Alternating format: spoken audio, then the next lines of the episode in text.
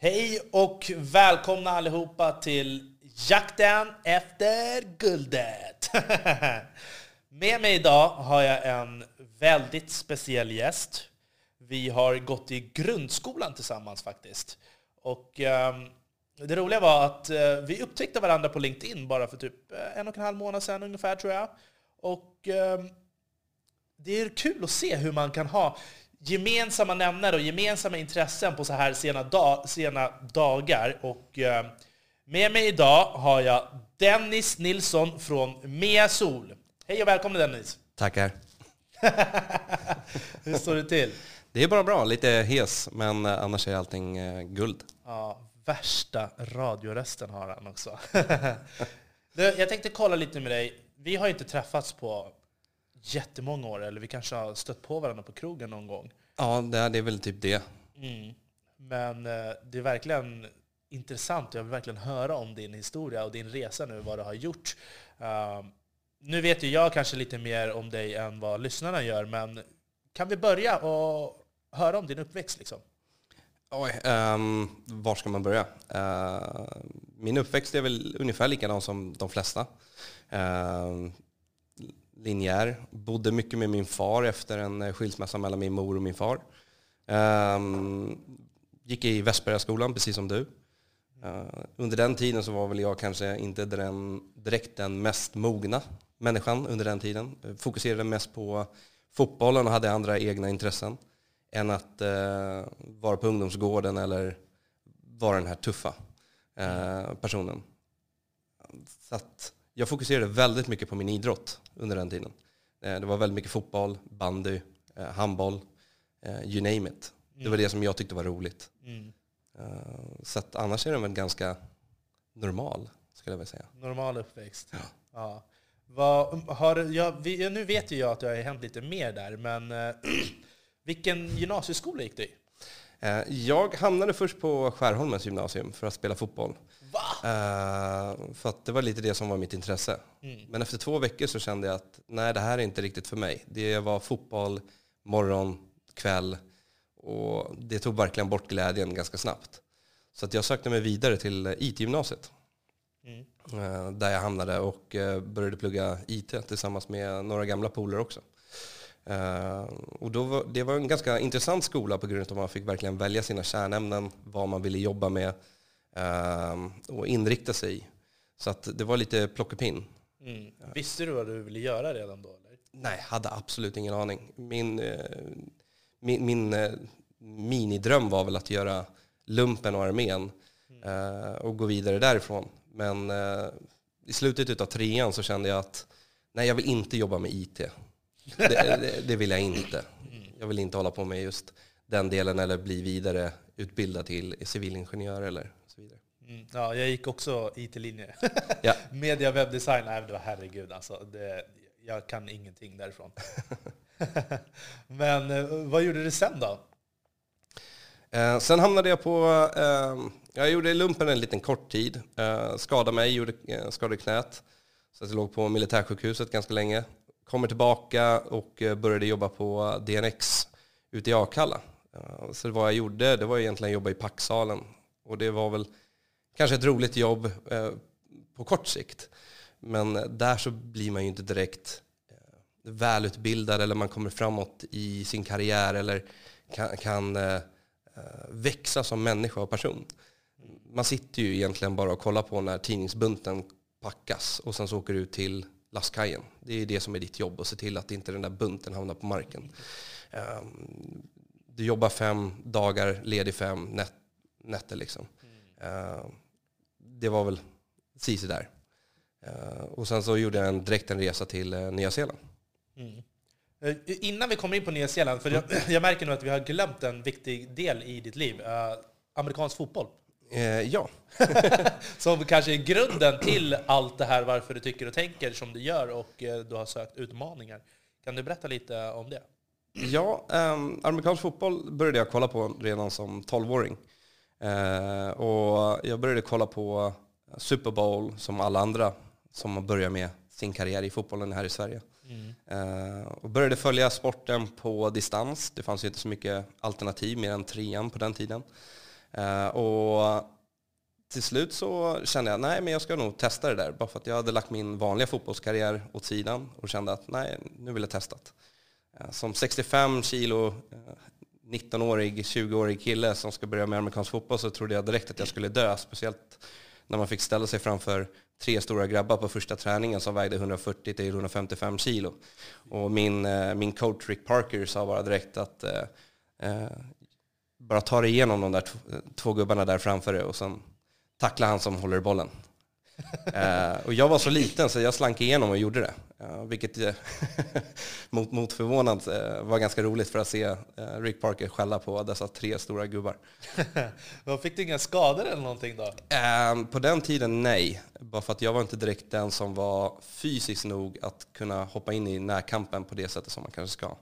Jag var väldigt rädd av mig. Det tog nästan sex, åtta månader innan man började gå in med huvudet först. För det är det du ska göra i amerikansk fotboll. Du ska ju tackla med huvudet. Eh, och gå in med huvudet mot axeln. Mm. Oh, herregud. Ja, men eh, okej. Okay. Det, här, det här ligger ju i grunden till varför du har, har ett driv och varför du tyckte att eh, din tidigare arbetsplats var lite tråkig. Mm. Och... Amerikansk fotboll är ju väldigt, eh, eller jag håller det väldigt varmt om hjärtat.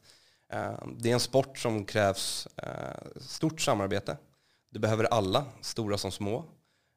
Du kan vara liten, smal, du kan vara tjock, lång. All, alla behövs verkligen. Och det är mm. tillsammans som man ska ta sig framåt mot ett gemensamt mål. Eh, det, det var en extremt rolig eh, period av mitt liv. Mm. Eh, någonting som man verkligen håller kärt. Ja. Och eh, hade du någon... Vi, vi, har, hade, vi hörde, jag har ju pratat lite med dig innan här. Det är exakt det jag sa. Vi kan inte prata innan. För när vi gör det så kommer inte jag veta vad jag ska säga. För då vet man redan allting. Men det har ju varit lite tuffa perioder för dig också. Uh, var det ja. innan Nya Zeeland eller? Nej, nej, den tuffa tiden för mig det var ju efter, uh, efter Nya Zeeland. Uh, det var en längre tid efter. Ja, ja men vi pratar om Nya Zeeland då. ja, vi, vi går in i Nya Zeeland istället. Eh, Nya Zeeland åkte jag faktiskt till på grund av eh, mitt jobb på DNX. Eh, som jag sa innan så var det inte så att jag växte som människa. Och då kände jag att jag behövde ha ett sabbatsår. hur ska man ha det då? Jo, man, det finns många vägar och jag valde då att gå via Killeroy, åka ner till Nya Zeeland och plugga äventyrsturism. vilket var en perfekt och rolig kombo för att jag gillade ju sport, jag gillade att vara ute i naturen och på det sättet också komma till ett nytt land, ett land som jag alltid har velat åka till. Uh, Nya Zeeland är ju uh, by far mitt andra hem. Mm. hade jag fått chansen idag så hade jag nästan flyttat. Alltså det är det på den nivån. Hur gammal var du? jag var 22. 22. Mm. Så ja. att, det, var, det var en rolig tid. Kan du berätta lite, hur, hur var det där? Vad upplevde du där borta? Och hur var, hur var miljön och den kulturella biten? Eh, kulturella biten är ju det att alla är extremt öppna. Ehm, sätter du dig ner på en buss eller du går in på en krog helt själv eller går och sätter dig på ett café så kan du räkna med att någon kommer komma fram till dig och ehm, börja prata med dig. Eh, jag satt, satt själv på en buss och skulle åka ner till en annan stad. Eh, det är ingen annan på bussen förutom jag. Och sen så kommer det på en annan tant. Hon sätter sig bredvid mig när det finns allting runt om, bara för att hon vill ha någon att prata med. Och det är lite så översociala människorna är i Nya Zeeland. De vill veta din story. Det, vad har du gjort? Vart kommer du ifrån? Mm. För de tycker att det är spännande. Uh, och genuint. Mm. Vilket är jättekul. Så de såg på dig då att du var, inte kom därifrån? Ja, ja. ja. ja. på arbetsplatsen, var, var, var det några andra utlänningar eller var det bara du som kom ifrån, utifrån? Nej, det var, det var jag och sen så hade jag tre stycken eh, svenska, eh, eh, svenska, blev typ som mina systrar. Mm. Um, så det, var, det var en rolig liten grupp. Vi slutade prata svenska allihopa. Uh, vi pratade alltid engelska, även fast vi bara var med varandra. Mm. Uh, det var en rolig resa, helt enkelt. Ja. Vi, eh, vi jobbade väldigt mycket med saker som kommer in i vårt arbetsliv idag, med försäljningen till exempel. Om hur man ska tänka på service-minded, eh, hur man ska tänka på eh, att ta hand om varandra, verkligen räkna vad kan gå fel, vad kan gå rätt, göra riskbedömningarna, För det var ju äventyrsturism. Så att ingenting fick gå fel. Och då måste man räkna med, okej, vad händer om någonting går fel? Precis. Det fanns en massa giftiga, farliga djur där också. Nej, inte Nya Zeeland. Inte? Nej. Det, det bröt sig ifrån, så de har inte ens en orm. Mm. Men hur såg en vanlig tur ut då som ni hade där? Vad hade ni för tours? Nej, men vi, vi gjorde allting från rafting, river kayaking, klättring, um, sea kayaking, ehm, snowboarding, allt. Så att eh, lite av de här små, små minnena som man har verkligen som är, är väldigt roligt, det är den här kontrasten att man är uppe på berget och åker skidor och sen så dagen, eh, mot dagens slut så är man nere vid stranden till exempel. Eh, och det är ingen snö. Eh, så att det, det var en liten skillnad. Man kunde stå ute och sen köra en barbecue helt plötsligt från ingenstans. Eh, Fast det var kallt, tyckte folk. Eh, Fast där är det ju inte kallt i svenskt. Nej, precis. Ja, nej alltså jag... Det, det är alltid lärorikt att åka utomlands, speciellt ensam också, så som du säger tidigt, och det var bra att ni pratade engelska. Mm. Och då, när man bor utomlands så förstår man verkligen att man inte kan bara direkt översätta svenskan till engelskan. Nej, nej, nej. Alltså, det var väldigt många ord som man... Så här, jag, jag tyckte ändå att jag var ganska bra på engelska när jag åkte ner. Man förstod ju nästan inte ett, ett ord de sa i början. För att man var tvungen att ta det saktare, ta det slöare. Och det är lite roligt när man kom tillbaka från just Nya Zeeland så satte jag mig bara typ två dagar efter i ett mötesrum med amerikanska fotbollen igen. För att då skulle jag börja spela amerikansk fotboll igen. Sitter tyst och på våra amerikanska fotbollsträningar eh, och forum så brukade vi också alltid prata engelska. Det är ju bara för vi hade amerikanska coacher. Allting är tyst och sen så kommer en fråga och jag svarar på den frågan och så vänder sig alla om och börjar skratta. Ja, Och det var bara för att jag hade ändrat min dialekt när jag började prata engelska. Så att det, de började reta mig lite så här, eh, put another shrimp on a Barbie. Ja, nej, alltså nice. Jag, jag, jag har också bott utomlands och eh, det är där man får liksom känna och sätta engelskan på test. Ja. Eh, Ja, det är ju verkligen något som jag rekommenderar alla att göra. Som verkligen vill fundera på vad de vill göra i livet framöver. Eh, åk iväg, gör någonting unikt, gör någonting annorlunda. Någonting som du kanske inte kan eh, ta 100% med dig in i arbetslivet, men ändå något. Eh, jag använder ju inte äventyr, alltså äventyrsturismen idag, mer än vad man ska tänka på, hur man ska prata och hur man ska ta hand om kunder och eh, förståelsen för att alla inte förstår. Um, det var ganska kul när man tog ut eh, japaner eller kineser och som skulle ut på tur och ingen av dem kan knappt engelska. Då måste du prata och kommunicera med händerna, visa med kroppsspråket hur de ska göra och sen få folk att förstå. Uh, och det var en utmaning. Nej, men alltså verkligen. Jag tycker det är supernice. eh, Och, och, och också att man växer som människa. Att du blir ju liksom självständigare. Jag har alltid varit självständig. Eh, Jag, jag tycker ändå att jag har sett dig också som självständig. Alltså under dagarna. Ja, till, till och från, självklart. Men eh, hur kände du? Vad, själva växten, hur säger man? Inte växer. Man växer ju som människa när man är utomlands. Mm. Och vad gjorde du efteråt, när du kom hem då? Och med amerikanska fotbollen och, och det där? Jag, jag fastnade för amerikanska fotbollen så mycket så jag började ta massor med ströjobb hit och dit lite så här bara för att hålla igång. Eh, mitt mål var då att eh, bli bättre på amerikanska fotbollen. Ehm, vilket jag tyckte att jag blev eh, relativt snabbt under det året. Men ehm, det, det, var lite, så här, lite halvdana jobb. Jag tog ett jobb bara för att ta jobbet. Inte tänkte på, okej, men det här kanske jag kan göra i flera år framöver. Allting från eh, Barncancerfonden till eh, att bara ringa människor till eh, gå runt och sen skruva mellankablar eh, för tv och radio och bredband. Eh, och det är inte det roligaste jobbet kan jag säga. Du skruvar kablarna höger, höger, höger, höger med alla dina. Och sen ska du vrida tillbaka nya kablar, vänster, vänster, vänster. Och det ska du göra åtta timmar om dagen. Eh, så roligt är inte det. Så det var bredbandsläggare då? Ja, typ. Ja. ja men jag tror Rickard jobbade med det Det är absolut ingenting som jag rekommenderar någon att göra. Eh, De personerna som har jobbat där, eh, all heder att ni orkar. Ja. och vad gjorde du sen då? Vad, när, när var det du kände att du liksom hittade rätt? Ehm, Det blev en liten kris, eh, för jag spelade för Djurgården amerikansk fotboll och vi fick en liten kris där. Och eh, ehm, då hamnade jag med eh, Stockholm E-Machines. Eh, hamnade med en riktigt bra grupp, bra tränare. Eh, kände att jag växte väldigt mycket. Fick, eh, fick en kanonsäsong. Eh, var ganska kul att bli rankad högt också, bland alla på min position. Mm. Eh, och fick även chansen att vara med i landslaget och spela med dem på träningarna där. Hur gammal var du här? Jag tror att jag är runt 25, 26, 25. Mm. Så det är, det är ett litet tag sedan. Men det, det gick jätte, jättebra just den säsongen. Jag trodde verkligen att jag skulle få vara med i Finnkampen och alltihopa också, bara för att det gick eh, riktigt bra den säsongen. Eh, Tyvärr så fick jag ta det korta strået och inte fick vara med i den matchen. Men ja, man kan inte vinna alla strider. Nej. Finns det några pengar i amerikansk fotboll i Sverige? Då, nej. Eh, Det var småsummor. Du kunde få kanske din, din licens betalad och klar från klubben om du var tillräckligt duktig. Vad kostar licensen då? Ja, det var allting från 5 500 till eh, 7 500 spänn Wow, och det är per år då eller? per år. Per år. Ja, och sen utrustning och sånt där, det blir dyrt. Men det behöver man inte byta kanske? Nej, det behöver du byta kanske en gång var andra, var fjärde år. Eh, Jag hade ju min hjälm lite för länge. Jag hade ju den hjälmen i fem år, sex år. Mm. Det kanske man inte ska. Nej. Jag rekommenderar kanske två, Ja. tre.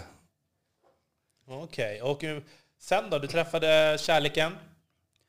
Eh, ja, nej men eh, jag träffade ju en, en eh, tjej där. Eh, gick väl helt okej. Eh, sen så mot slutet där så gick det väl inte så bra. som allt.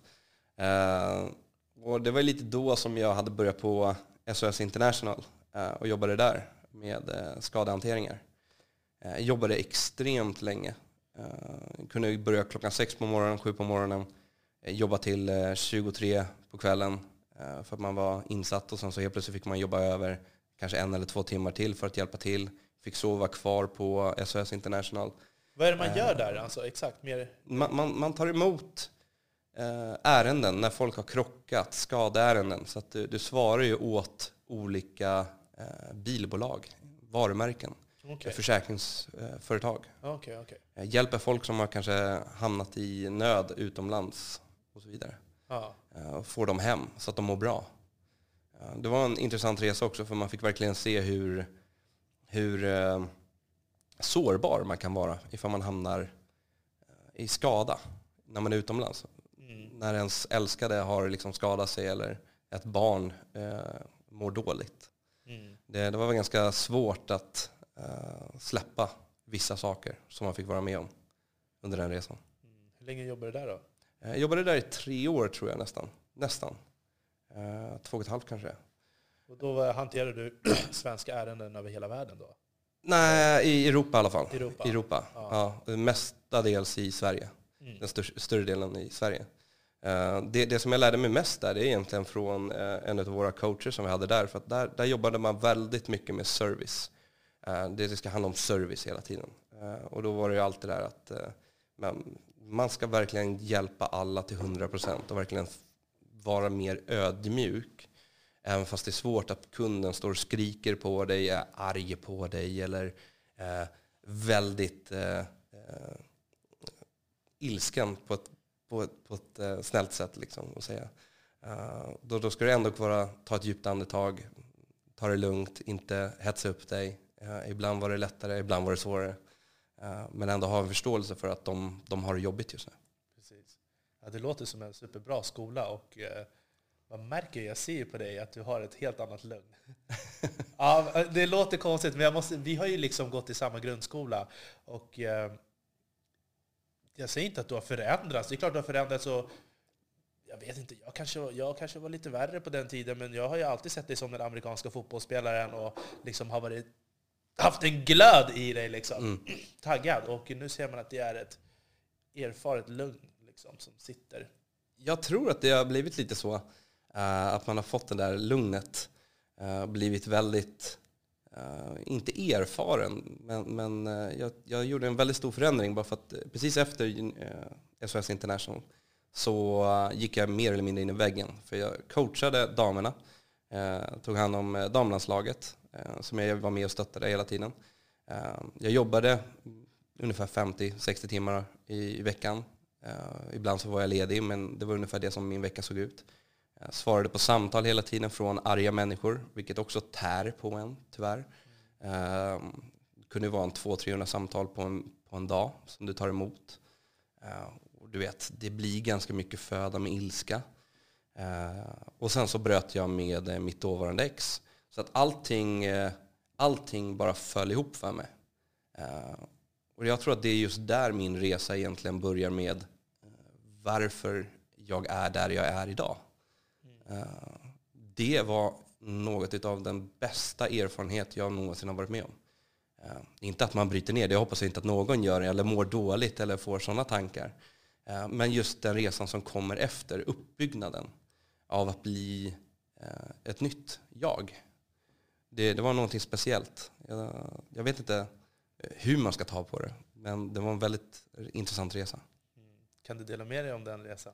Ja, självklart. Hur länge den varade, hur du började? Och... Nej, men jag, den, den började väl typ i april, någonting sånt där. Och då började jag bryta ihop helt och hållet. Gick totalt in i väggen. Eh, grät hela tiden, kunde verkligen inte eh, prata med människor. Sökte hjälp efter alla egentligen. Eh, och sen så tog jag ett eh, litet sämre jobb på en eh, mötesbokarfirma försökte komma igenom den delen, men jag hade förlorat mer eller mindre all respekt för mig själv. Jag, jag kunde, lite, kunde inte lite, riktigt lita på mig själv. Jag hade inget självförtroende. Jag var inte Dennis just då. så det gick där med den delen. och sen så fick jag ett samtal från en gammal vän från gymnasiet. Och den vännen var? Vi kanske, vi kanske gör så här. Uh, vi tar en kort paus och så kommer vi tillbaka igen och så kör vi lite applåder här och så kommer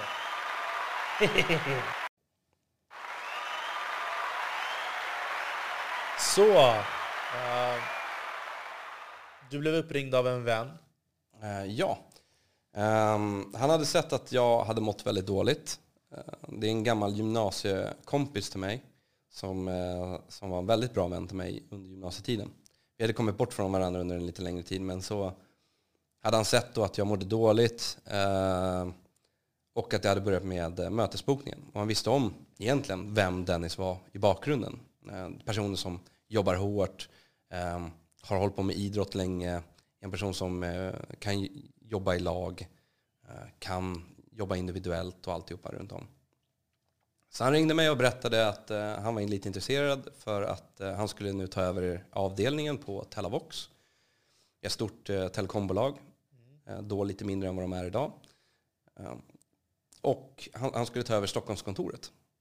Men han ville känna mig lite okej, okay, så att han bjöd ut mig och sen så pratade vi lite och han gick in på djupet om hur han mådde och alltihopa runt om. Såg en osäker kille som inte riktigt hade självförtroendet fortfarande. Och han var lite osäker tror jag också i om den här personen skulle kunna vara en bra säljare.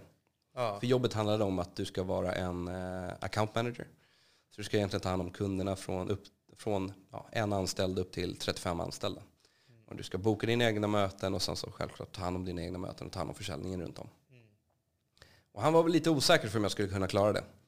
Uh, så jag fick träffa en uh, annan kollega, eller en annan person som heter Leo. Leo Chong och eh, det är lite roligt med den storyn också för att han var också en gymnasiepolare. Okay. som, som under den tiden, vi, vi gick inte så jättebra överens under gymnasiet. Uh, idag så är han en av de personerna som jag håller väldigt högt upp. Uh, riktigt skarp, smart, vet hur han gör, han vet hur man ska träna säljare. Full respekt för honom. Han har ju också gjort en livsresa, uh, vilket är ganska kul att se. Mm. Kanske han får vara med på podden sen också? Ja, kanske. Mm. det skulle jag verkligen rekommendera. Vilka, vilka gymnasium gick du i förresten? Uh, IT-gymnasiet. Med IT-gymnasium ligger vad? All, vi Södertörn. Södertörn. Ja. Uh, och uh, fick komma på arbetsintervjun där också och han kände väl också ungefär likadant som Dick att uh, det här är en risky move. Men, men de, de satsade på mig. Dick blev chef till, till när jag började, fick starta i augusti.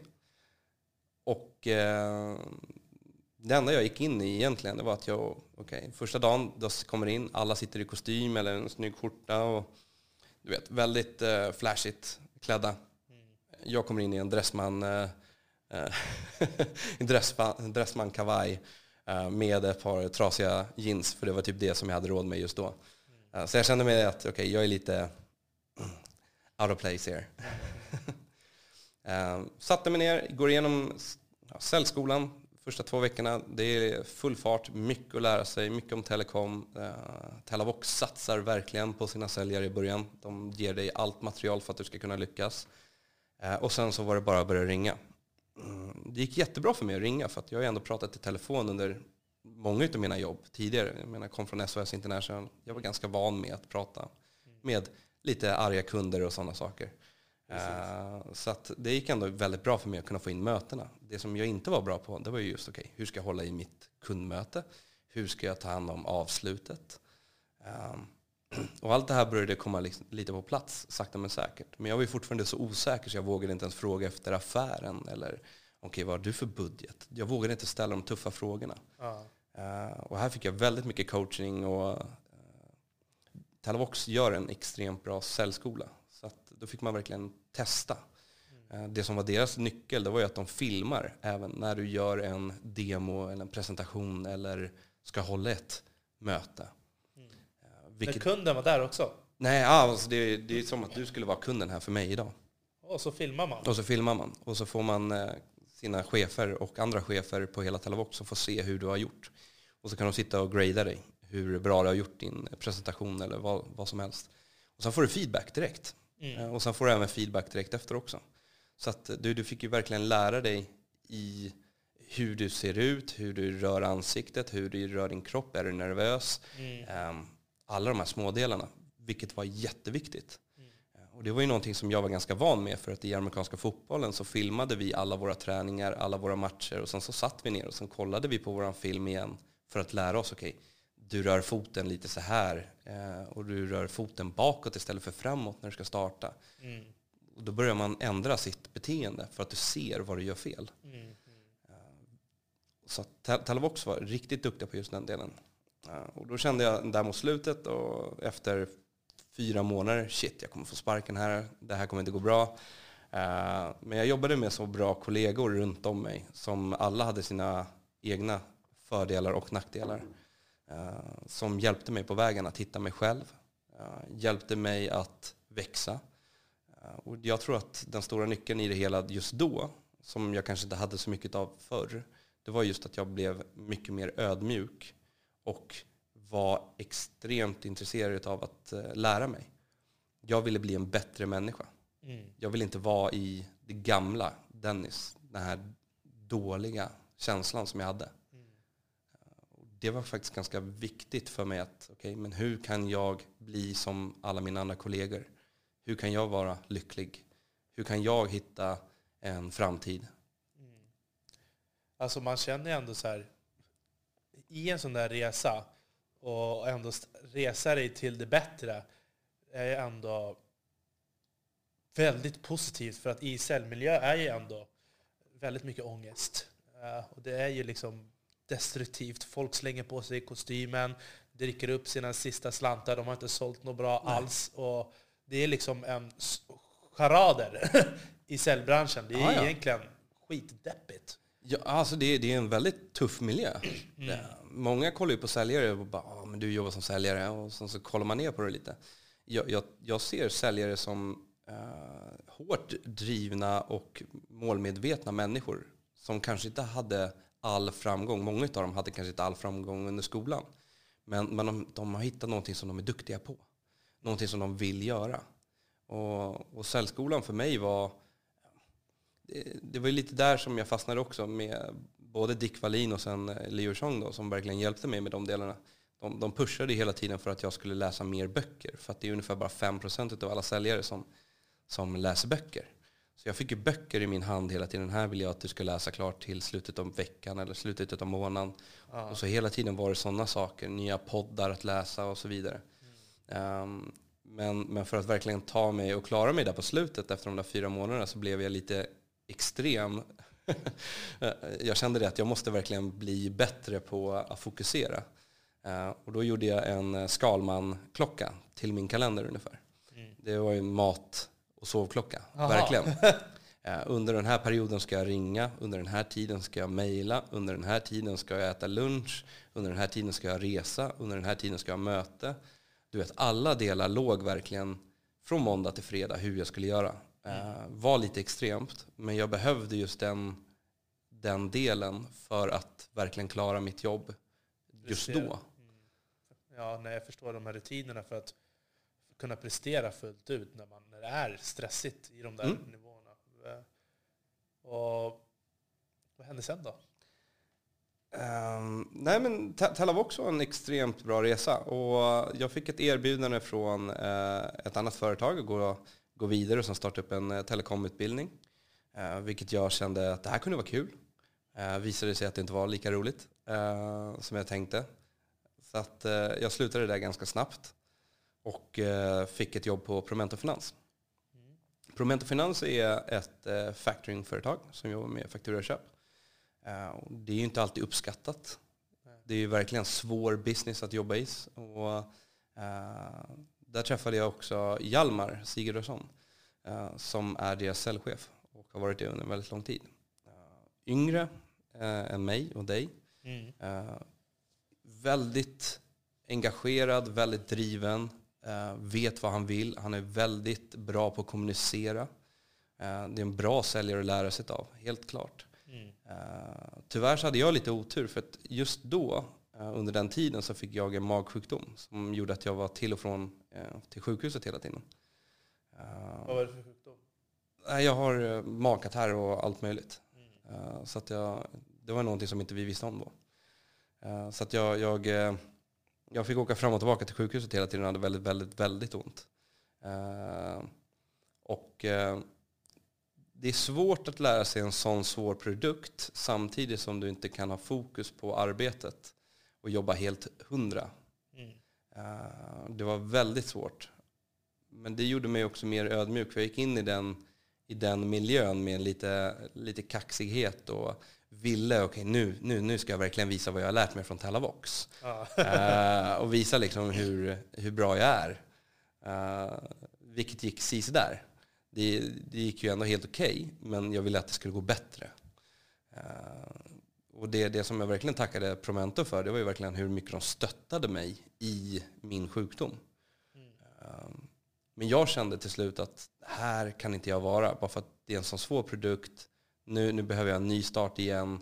Jag behöver göra någonting helt och hållet. Eh, och då fick jag erbjudande att börja på Vino. Mm. Vino är ju ett företag som jobbar mycket med leadsgenerering. Uh, hittar, hittar leads. Så att det är en perfekt portal för de som jobbar business to business. Uh, du ska egentligen kunna hitta företag som har uh, nystartat.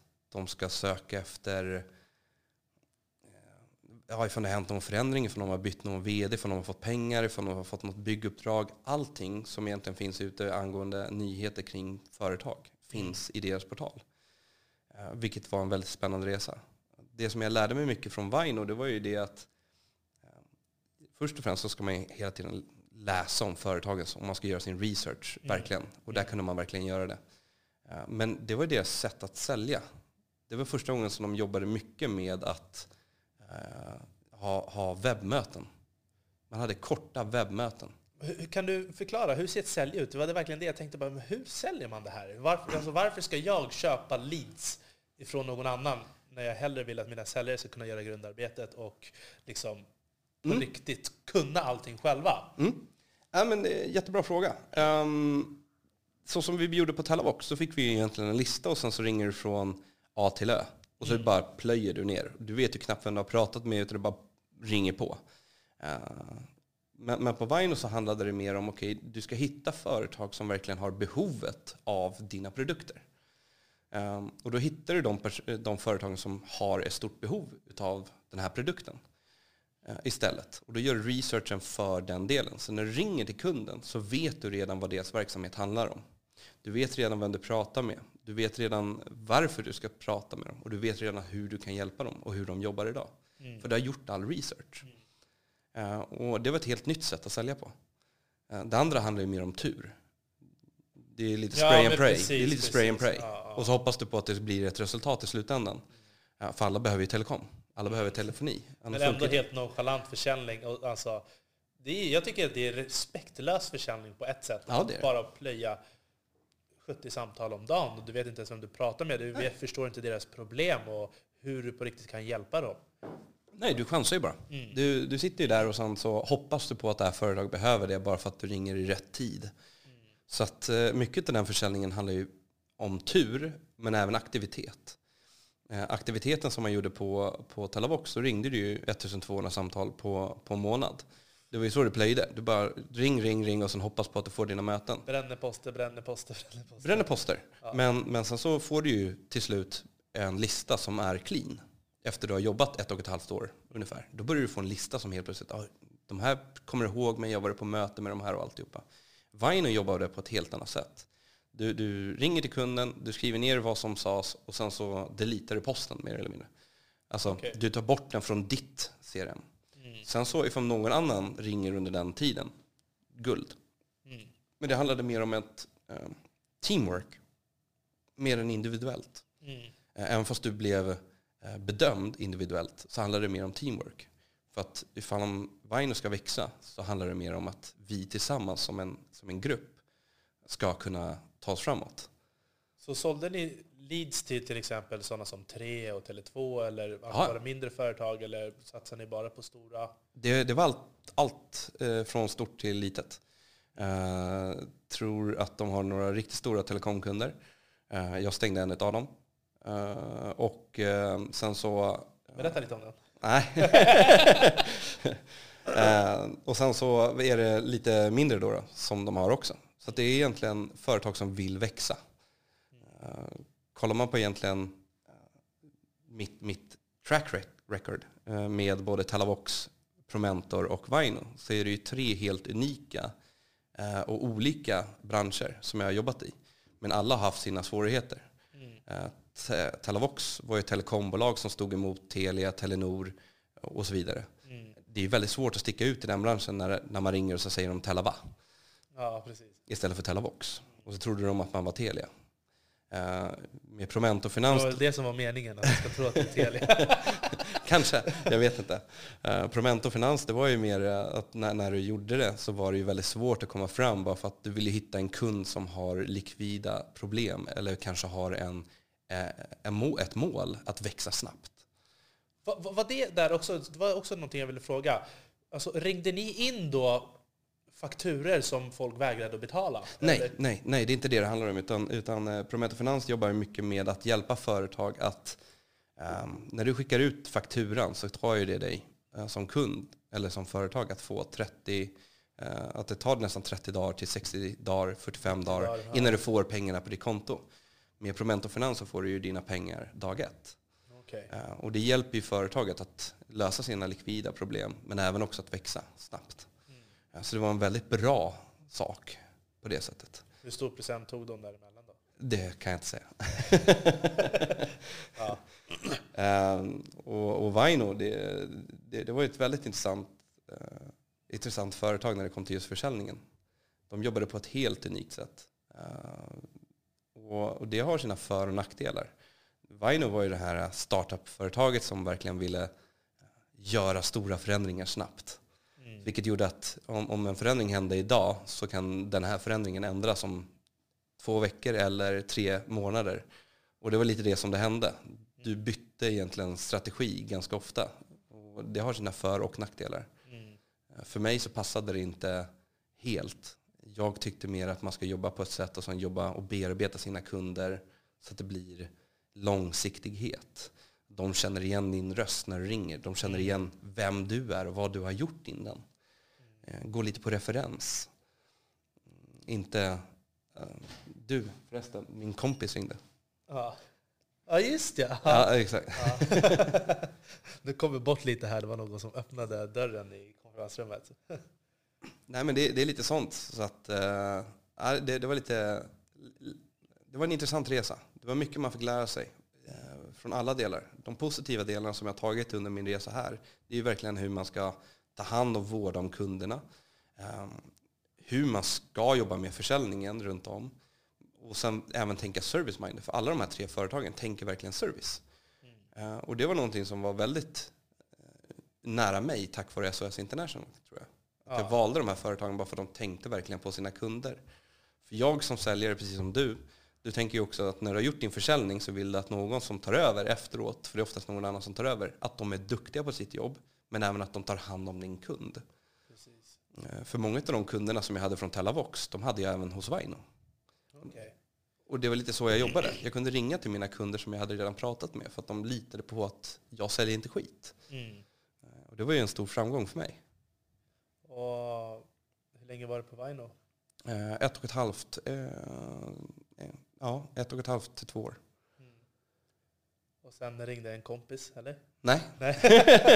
ja, det var det jag trodde du sa. Ja, det var nej, nej jag menade att eh, istället för att man lämnar över posten så är det alltid någon annan som ringer. Så att eh, ifall du har ringt till kunden så är det jag som ringer senare och så säger jag du min kompis ringde. Ja. Eh, men det funkar inte alltid. Okej, så vad gjorde du sen då efter? Ehm, Jag hamnade på ett litet företag eh, som skulle göra en framgångsresa som hette Heads. De, de eh, var väldigt intresserade av att växa med sin eh, affärssystemslösning. Jag kände direkt där att eh, okej, någonting stämmer inte. Och sen så tog det inte lång tid innan personen som rekryterade mig eh, gick vidare. Och jag vet inte riktigt vad det var som hände där i bakgrunden och så vidare. Men jag kände okej, eh, någonting händer i alla fall i bakgrunden. Eh, och i samma veva så blev jag kontaktad då utav en eh, gammal, gammal barndomskompis. Eh, mer kanske till min, till min bror. Eh, som jag råkade träffa på en fest utav en ren, ren tur ifall man säger så idag. Eh, och eh, han pratade och ville att jag skulle börja hos honom för att jobba med försäljning och marknadsdelen då, då för att ta hand om hans solceller. Mm. Eh, och bygga upp företaget tillsammans med honom. Vilket var lite av en slump för att jag har ju gått i tankarna länge. Okej, varför ska jag alltid jobba åt någon annan? Varför ska jag inte göra någonting åt mig själv? När jag ändå är så driven som, som jag tycker att jag är. Sitter och jobbar eh, långa dagar, vet hur man ska göra. Att, eh, fått väl, väldigt bra utbildningar, varit i många nätverk runt om. Eh, känner, att, känner att man får hjälp av många också runt om. Och så kommer det på ett silverfat mer eller mindre från en helt annan bransch som jag inte ens har tänkt på. Ska du inte gå in i solcellsbranschen helt plötsligt? Precis, men också att kunna sälja någonting som man tror på och kan stå för på ett helt annat sätt. Helt klart, helt klart. Eh, det, det är det som är eh, nyckeln. För det finns många gånger som du kommer in i ett företag och man kan känna av direkt att okay, här kan inte jag vara. Ehm, här kan inte jag vara. Och det är inte alltid, eh, alltid rätt. Men man måste verkligen känna det innerst inne. Okay, är det här verkligen där du vill vara? Och gör det valet tidigt. Det är bättre att man gör det valet tidigt än att det ska dras ut. För då blir det inte bra för varken den som har anställt dig eller dig själv. Ja, Men jag tror att många blir väldigt fega för, för det där. Jag tror att många blir rädda att okay, men mitt CV kommer bli förändrat, mitt CV kommer se dåligt ut. Eh, Jag säger skit i det. Det finns så mycket jobb där ute och är du driven och du verkligen vet vad du vill, eh, go for it. Eh, Om du visar att du är en sån engagerad människa, att du kan lära dig saker, att du är målmedveten och driven, det kommer inte vara något problem för dig att hitta ett jobb. Däremot så kommer det vara ett större problem för dig själv, för du kommer förlora ditt självförtroende, ditt, ditt driv, ditt mål, om du stannar kvar på ett ställe där du verkligen känner att här vill inte jag vara. Man bryter ner sig själv sakta men säkert. Ja, När man vet att du gör någonting du inte kan stå för. Eller, alltså, man, det, på ett sätt så kan det kännas som du gör dåliga gärningar. ja. Nej, men det, Fast det ska vara någonting positivt, att du arbetar och gör någonting bra som hela kulturen och visionen och målet. Men man bara, men sättet man arbetar spelar också roll. Mm. Nej, men det, det håller jag helt och med om. Eh, jag känner att jag har alltid trott att jag kan bättre. Och, och jag tror att Eh, jag vill bli bättre. Eh, och jag, jag tar väldigt mycket hjälp av mina gamla kollegor fortfarande idag. Okej, men vad har du för tips? Vad du för, hur skulle du göra i den här situationen? Jag försöker vara ödmjuk med att jag inte kan allt. Eh, men jag vill lära mig allt. Jag tror att det är själva nyckeln. Ja, alltså nej, jag tycker det är helt fantastiskt att du börjar det här med solceller och Vi, vi sitter ju på ett kontor här på en gammal barndomsvän också som det är verkligen på tapeten och vi har ju sökt efter solceller. Alla som går och köper villor och så vidare nu. Jag tänkte så här, nu kommer vi komma in på en lite längre prat så att vi kan ju ta lite paus här och så kommer vi in alldeles strax igen. Okej? Okay? Ja.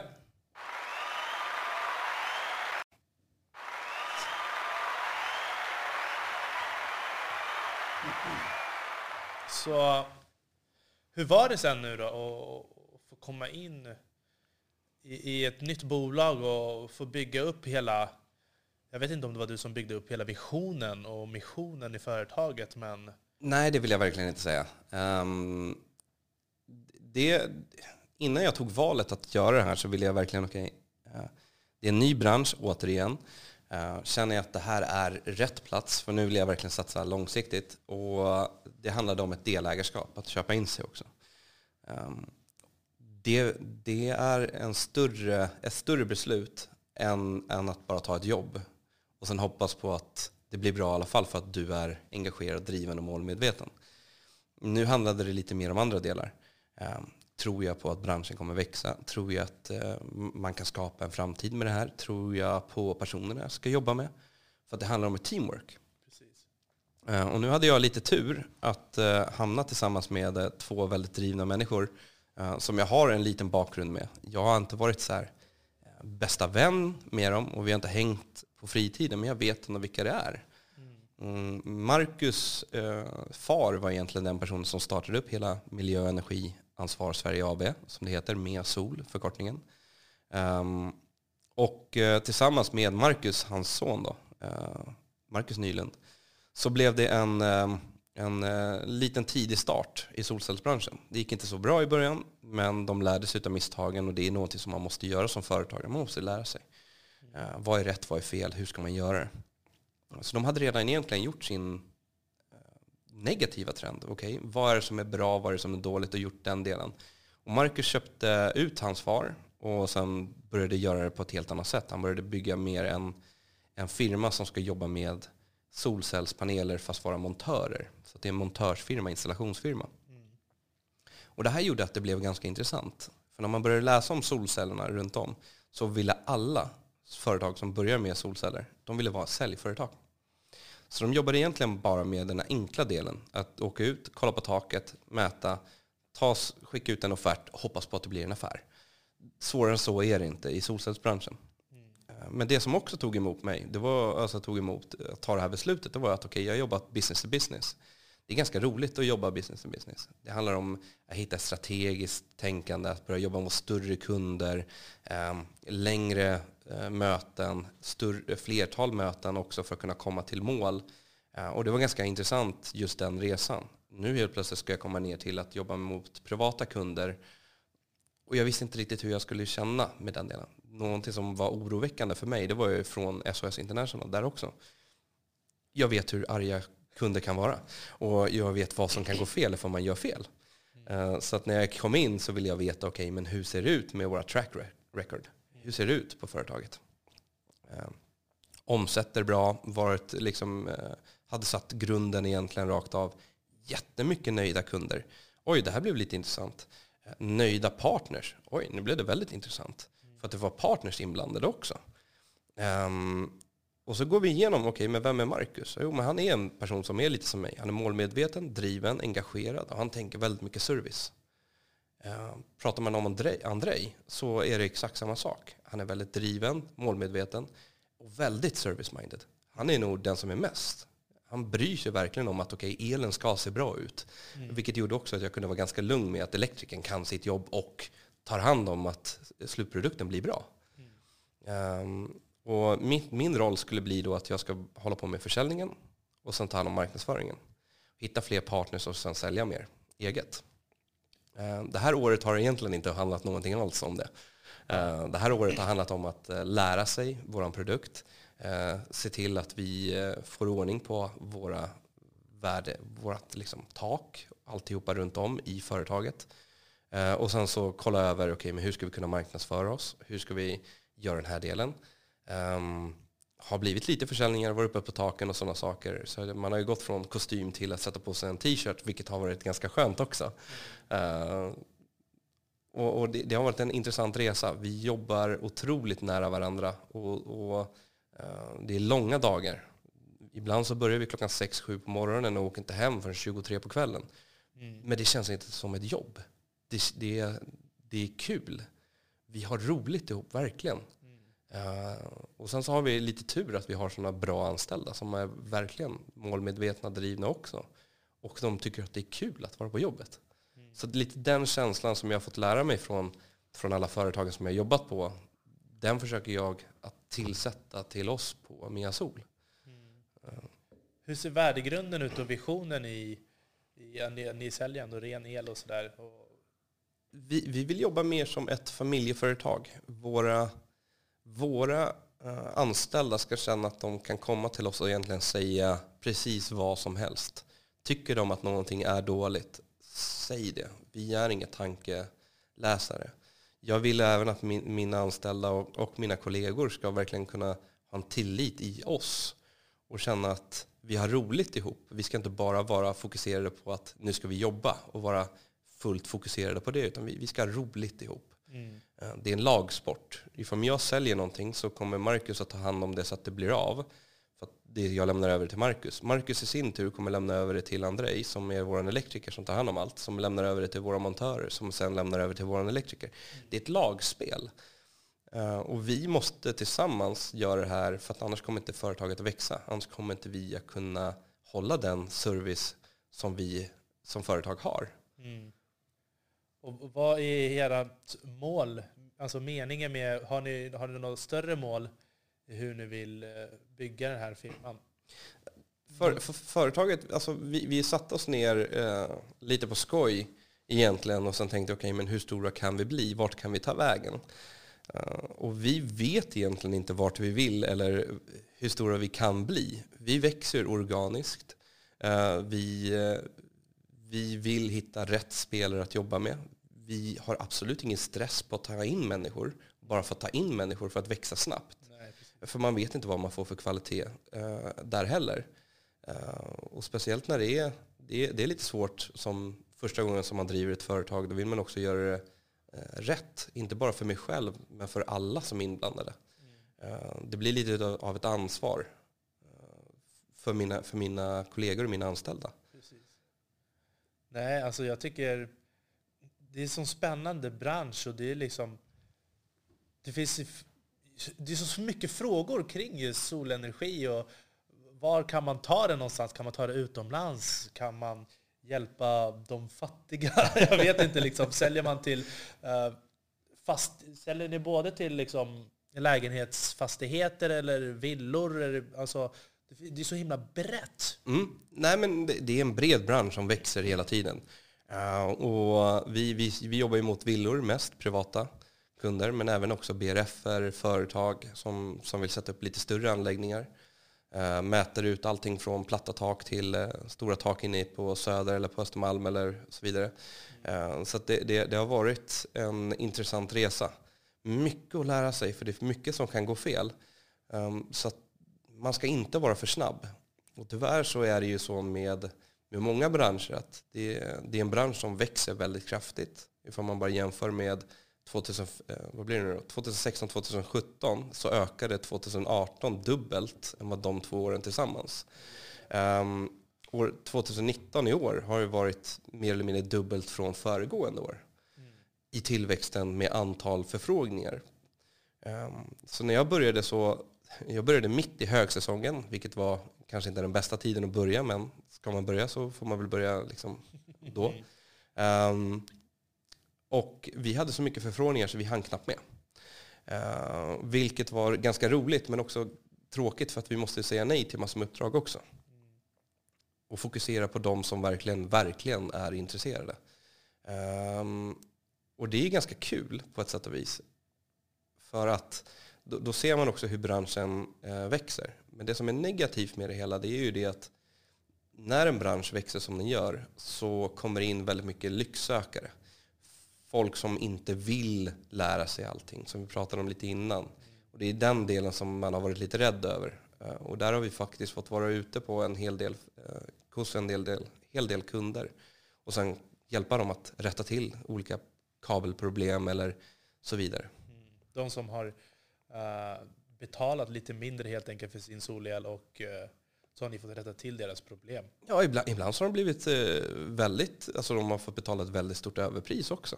Mm. Så att eh, det, det, är en blandning i det hela. så man, mitt råd är väl att ta in några offerter, kolla, se över dem.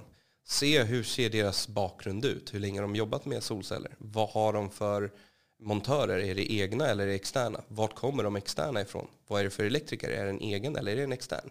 Vart kommer den externa ifrån? Vad har de för track record? Så man måste ju hela tiden se, okej, okay, vem är ansvarig? Vem gör vad? Och hur kan vi gå vidare ifall någonting går fel? Jag tror att det är lite sådana saker som man måste göra. Eh, försäljning handlar ju om att lösa ett problem eller ett intresse. Eh, och då handlar det om att lyssna på kunden. Att se, okej, okay, vad behöver du? Ja, men du vill bara ha det här. Måste du ha det stora paketet då? Eller vill jag bara sälja det stora paketet bara för att jag som säljare ska kunna tjäna mer pengar? Mm. Eh, jag har aldrig trott på den filosofin. Jag tror mer att man ska gå in i grunden. Okej, okay, men vad behöver du som kund? Hur mycket lyssnar kunderna på er då? Väldigt mycket. Det, det har faktiskt varit en, eh, en bransch som jag var väldigt rädd för från början. Men, men människorna som är intresserade av solceller är väldigt öppna för att lära sig. Det är väldigt mycket oerfarna frågor som har gjort att jag har lärt mig denna bransch väldigt, väldigt snabbt. Uh, och mycket råd från en, en expert i området också, Marcus. Uh, så det har ju blivit ett bra samarbete. Uh, och det är det som är kundens intresse.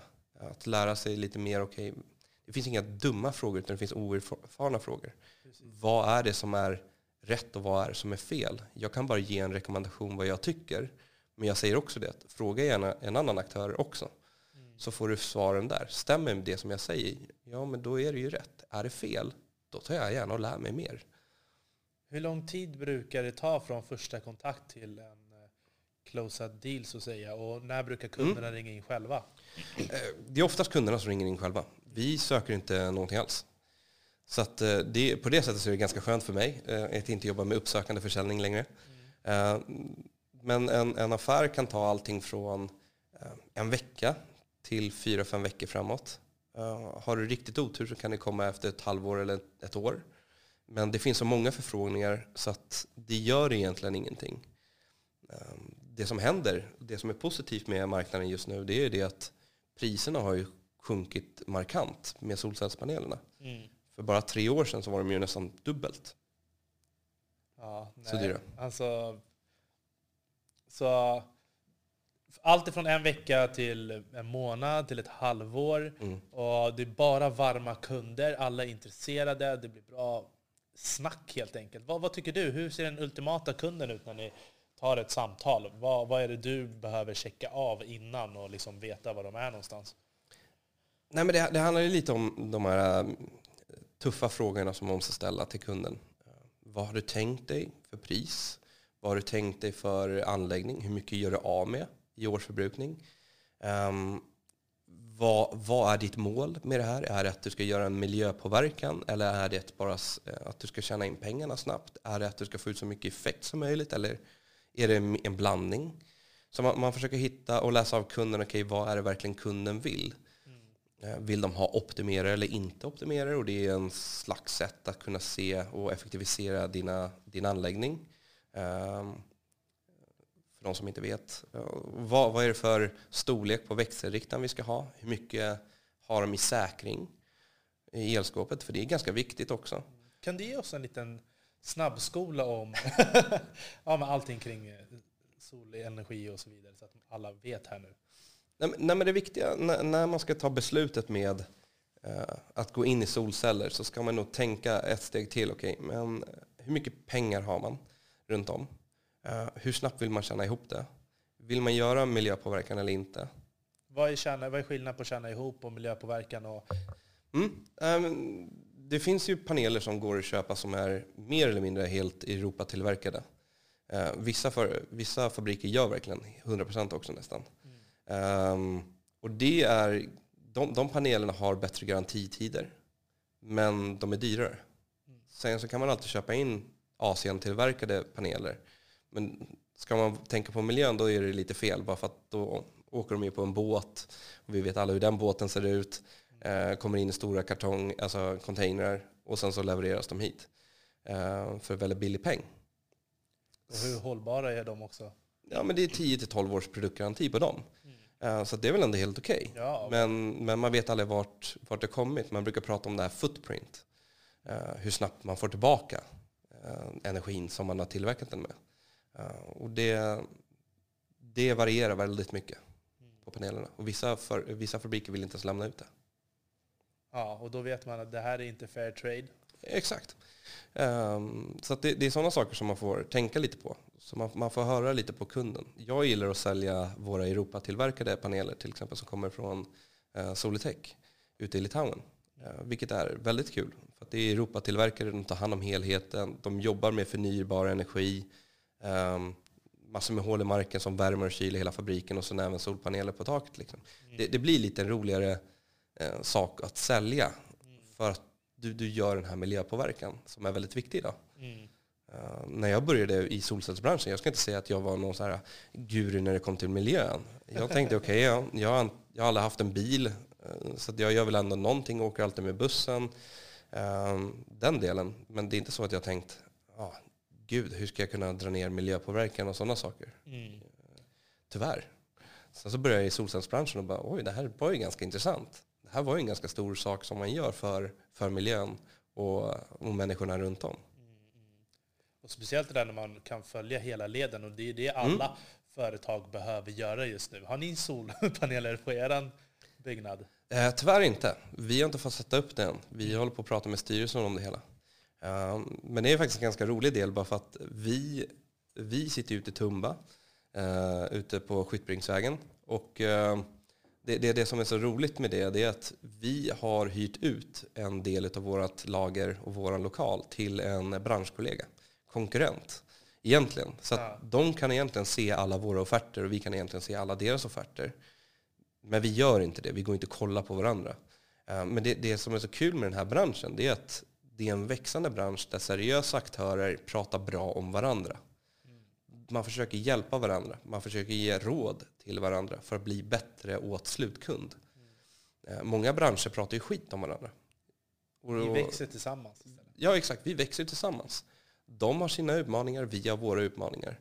Och de är lika nya, eller de är nyare än vad vi är, men de har också bra idéer. Eh, jag tror att för att du ska lyckas med försäljning, för att du ska kunna lyckas eh, som en entreprenör, då, då ska du verkligen vara ödmjuk med dig själv och eh, ta del av erfarenheter som andra har. Man behöver inte uppfinna hjulet hela tiden, utan försöka lära sig av det.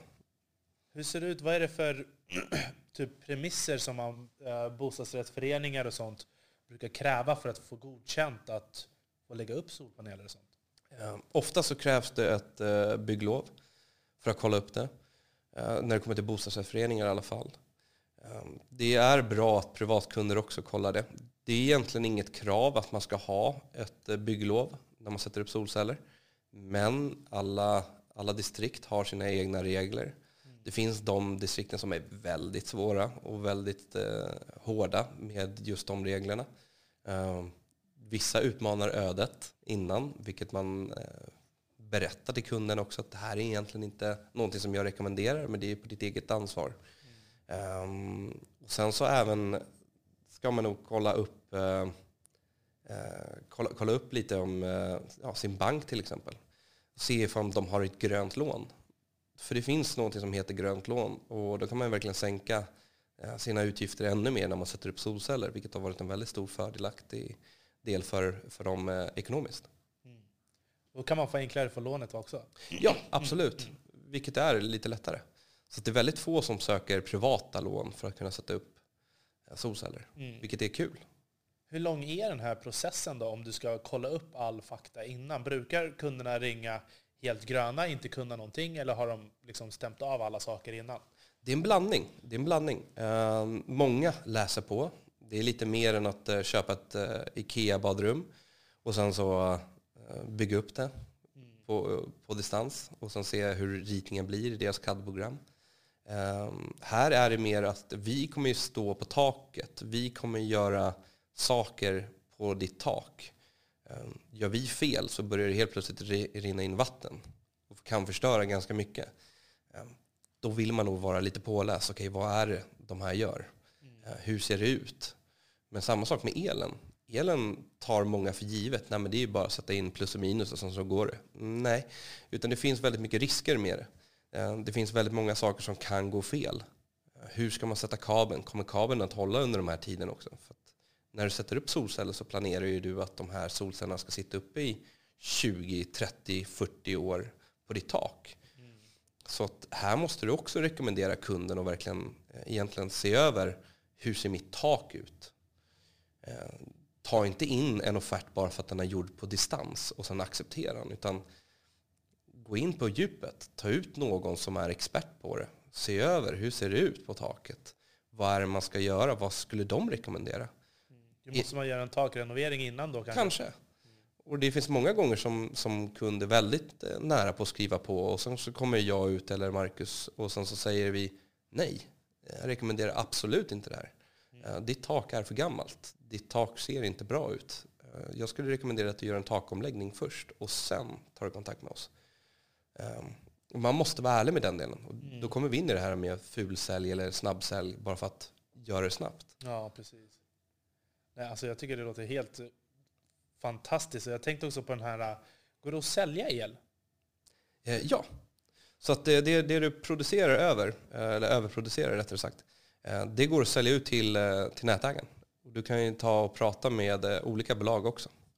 Så typ som Göta Energi eller Fortum? Eller? Ja. ja, så då säljer du ditt överskott. Eh, du ska inte eh, överproducera, alltså för mycket.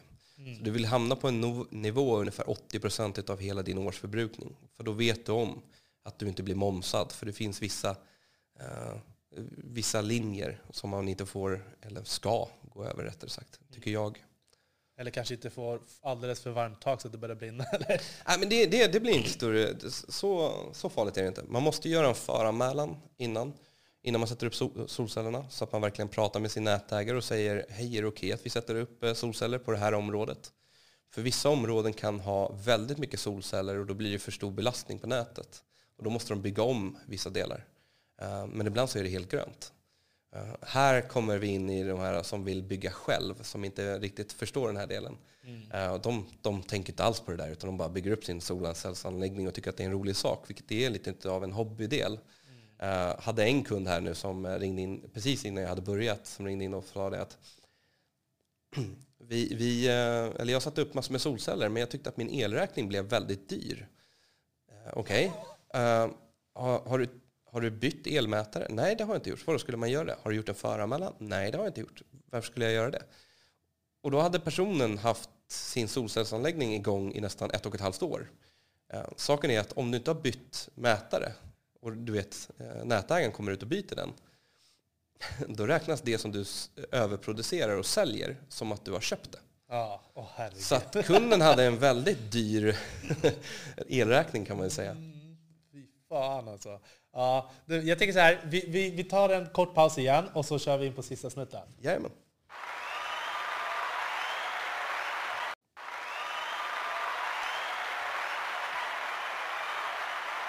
Så, jag tänkte...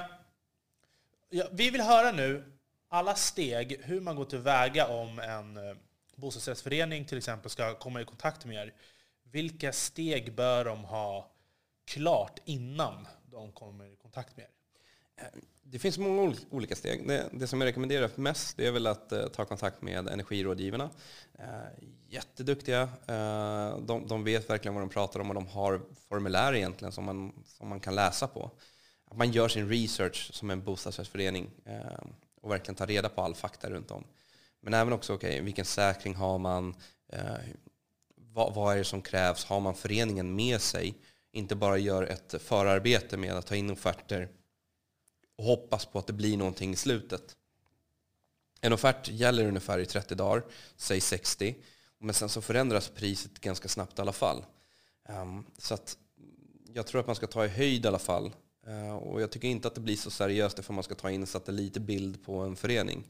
Ehm, priserna, då tar man antingen väldigt stort, stor höjd på, på vad det kommer bli för kostnad för föreningen. Eller så har man inte gjort förarbetet alls och man vet inte okay, vad har de för situation, den här föreningen. Mm. Klarar de av det eller inte? Det finns många gånger som man har kommit ut och de bara fyll hela taket. Ja, och, ja, då sätter vi upp det då. Så börjar vi tänka på det och så går vi ner till säkringen och kollar allting. Och bara, nej, det går inte. Nu kommer det få upp kanske en 17-20 tusen kilowatt. Liksom. Mm. Ja, så att det, det, det, blir lite, lite fel i det hela. Så behöver de vad är det de behöver gå igenom som förening innan då? Är det att starta någon grupp eller någonting? Mm. Jag, jag, tycker nästan det. Och du är ute på rätt spår. Det är egentligen att eh, kanske skapa en oberoende, eh, en oberoende grupp innan man ska ha ett eh, föreningsmöte, när man går igenom alltihopa. Eh, och sen presentera det inför alla så att alla kan rösta ja, att man är intresserad av att gå vidare med solceller, så att alla vet vad det handlar om. Eh, det kan ju betyda att man kanske höjer föreningens avgift under en liten kort period i början också. Eller så hittar man ett sätt för att kunna liksom lösa det genom att ta ett lån till föreningen också. Eh, för det blir ju en lite stor fråga om man inte har en väldigt bra ekonomi i föreningen. Eh, vilket inte alla har tyvärr. Ehm, men annars så, så ska man nog göra alla det här förarbetet och kanske ta in en oberoende konsult som kanske kan göra och ta fram alla dessa frågor och kan berätta lite om ungefär vad det kommer kosta till slut. Så man kan eh, jobba sig vidare där. Då. Tyvärr så kostar en oberoende konsult lite pengar, men det kan vara värt det ibland. Kontaktar man kommunen och sådär också innan? Eller? Ja, så det är bra att man tar kontakt med eh, kommun och kollar att man får ett bygglov också innan man börjar processen. För att ibland så funkar det inte, det beror lite på vilka uh, distrikt man befinner sig i. Mm. Vad brukar premisserna vara där? Uh, vi pratade tidigare någonting om att uh, inne i stan på vissa ställen så behöver du släcka ner hela gatan. Ja, ja men exakt. Nej, men eh, det finns ju lite sådana saker. Men sen så är det ju också att eh, panelerna ska följa takets lutning. Um, att man inte kanske sätter upp någonting som är vinklat uppåt ifall det är platt. Det finns många olika delar som kan göra att, att, eh, att en kommun kan säga nej.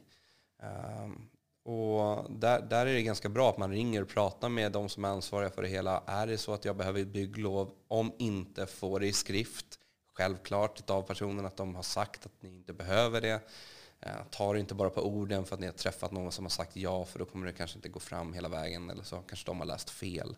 Mm. Det finns sådana misstag som alla gör, vi alla människor. Och eh, vad är det för frågor ni ställer kring vad det är man ska ha elen till och vad kan man ha elen till? Um, det, det, är lite blandat. Många föreningar kollar på solceller tack vare att de börjar kolla på laddboxar. Att de kan ladda sina, sina bilar till exempel med elen som de, som tillverkar. De har märkt att det kanske blev en sto, större ehm, eh, årsförbrukning än vad de kanske hade räknat med tack vare att man gjorde den här investeringen också.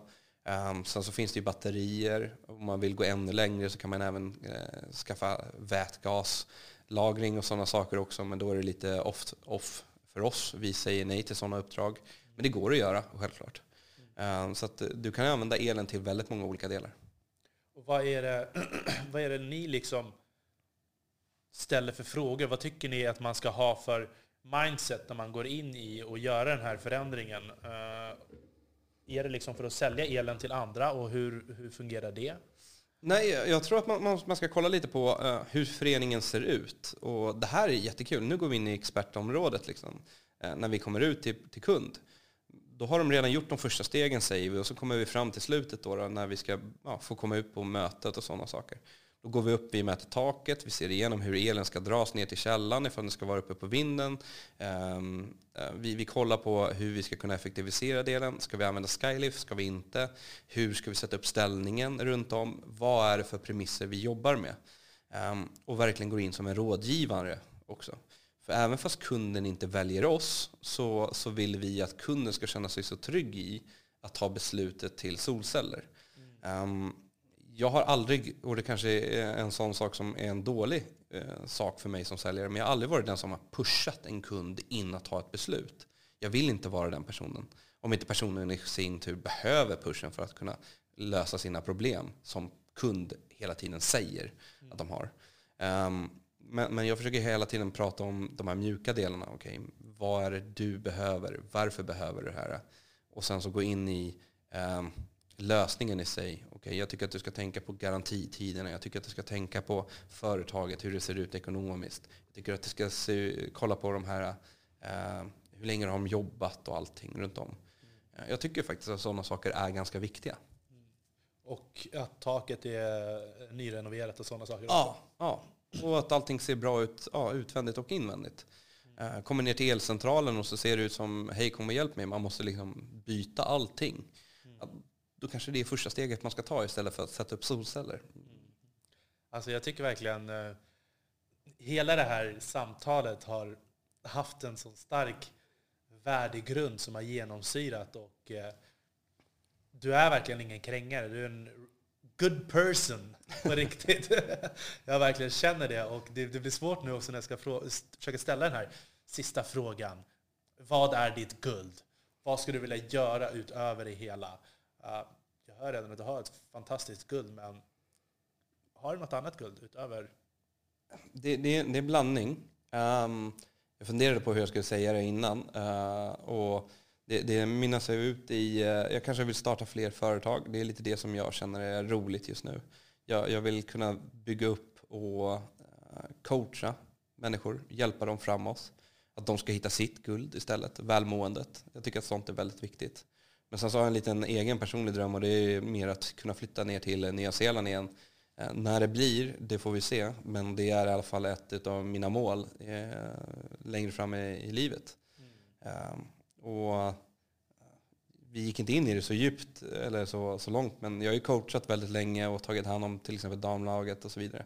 Och den känslan som man kan få på den resan, det är till exempel när du får en person som kommer in Eh, är väldigt rookie. Man ser att de har ett driv, ett mål, någonting som gör att de blir engagerade i sporten eller i företaget eller i sitt liv.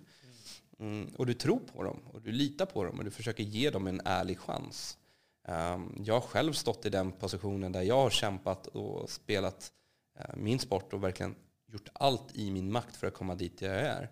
Men man har aldrig uh, coachens förtroende. Så då väljer man någon annan som har kanske inte spelat på ett helt år eller två år eh, för att spela den matchen. Vilket är lite, lite tråkigt men även också att det, det, ibland så måste man bara tro på att den andra personen vill göra sitt bästa. Mm. Nej, det låter helt fantastiskt. Alltså. Det, att ge tillbaka, det är det.